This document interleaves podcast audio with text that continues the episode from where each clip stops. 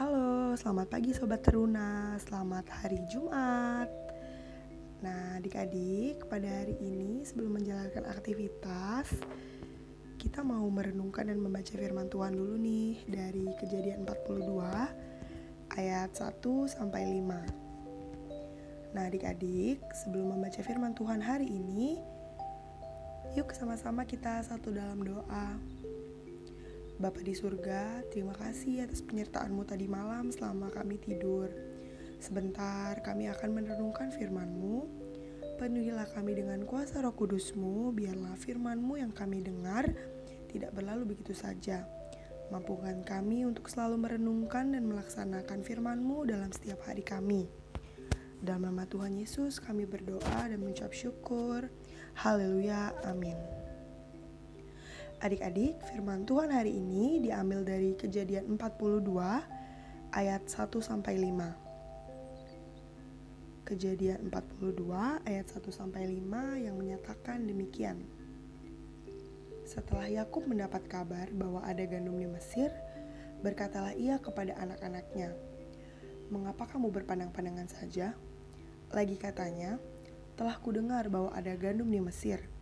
Pergilah ke sana dan belilah gandum di sana untuk kita, supaya kita tetap hidup dan jangan mati. Lalu pergilah sepuluh orang saudara Yusuf untuk memberi gandum di Mesir.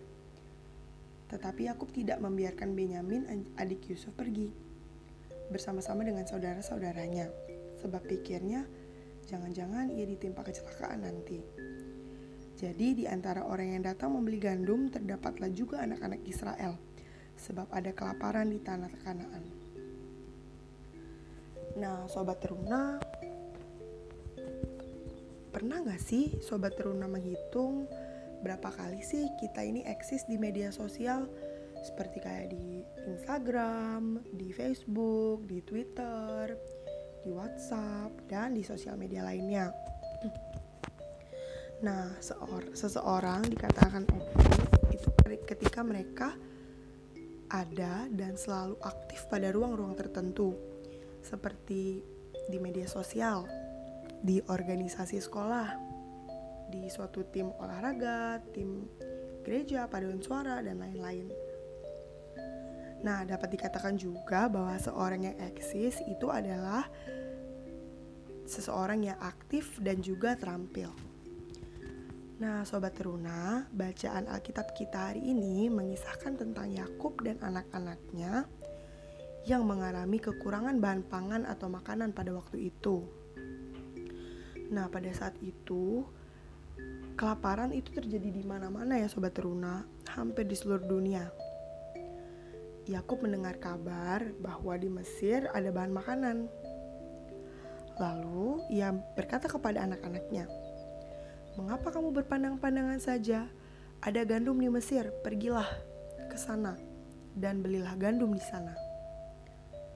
Nah, sobat teruna, untuk apa sih anak-anak Yakub yang adalah saudara-saudara Yusuf itu pergi ke Mesir?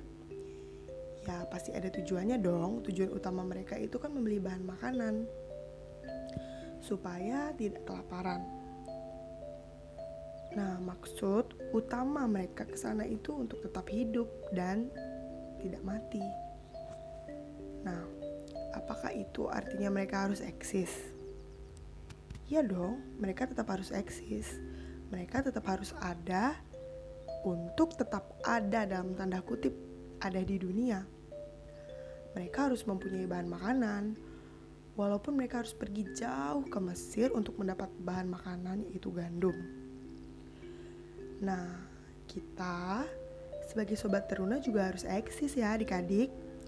Bukan hanya eksis terus di media sosial seperti Instagram, Twitter, dan lain-lain tadi. Bukan hanya eksis di sana saja sehingga kita lupa untuk mengerjakan tugas sekolah kita, lupa berdoa, lupa membaca Alkitab, dan lain-lain. Bukan eksis yang hanya fokus pada suatu hal duniawi adik-adik, bukan seperti itu. Nah, kita ini harus eksis eksis dalam Tuhan artinya kita tetap dan tetap ada dan terus hidup mencari sang sumber kehidupan. Seperti ada tertulis di Amos 5 ayat 6a, carilah Tuhan, maka kamu akan hidup. Nah, bagaimana caranya Sobat Teruna? Ya dengan membaca dan taat melakukan firman Tuhan dong pastinya. Firman Tuhan itu adalah makanan rohani bagi kita Sobat Teruna, bagi kita, bagi jiwa kita agar kita kuat dan tidak binasa serta kita tetap bisa eksis sebagai teruna Kristiani yang memuliakan Bapa di surga, sumber kehidupan kita. Amin. Nah, itu ada nah adik-adik, itu adalah firman Tuhan yang kita baca hari ini. Biarlah firman Tuhan yang tadi kita baca bisa menguatkan kita hari ini dan hari-hari ke depannya. Adik-adik, untuk menutup renungan kita pada hari ini, kita sama-sama akan satu dalam doa. Mari kita berdoa. Ya Tuhan, aku ada di dunia ini karena suatu tujuan mulia. Aku mau hidup di dalam firman Tuhan. Tolong ajar aku Tuhan untuk menggunakan waktu yang Tuhan beri. Untuk menggunakan waktu itu secara bijaksana agar masa mudaku tetap memuliakan namamu. Amin. Terima kasih adik-adik, selamat menjalankan aktivitas hari ini. Tuhan Yesus memberkati.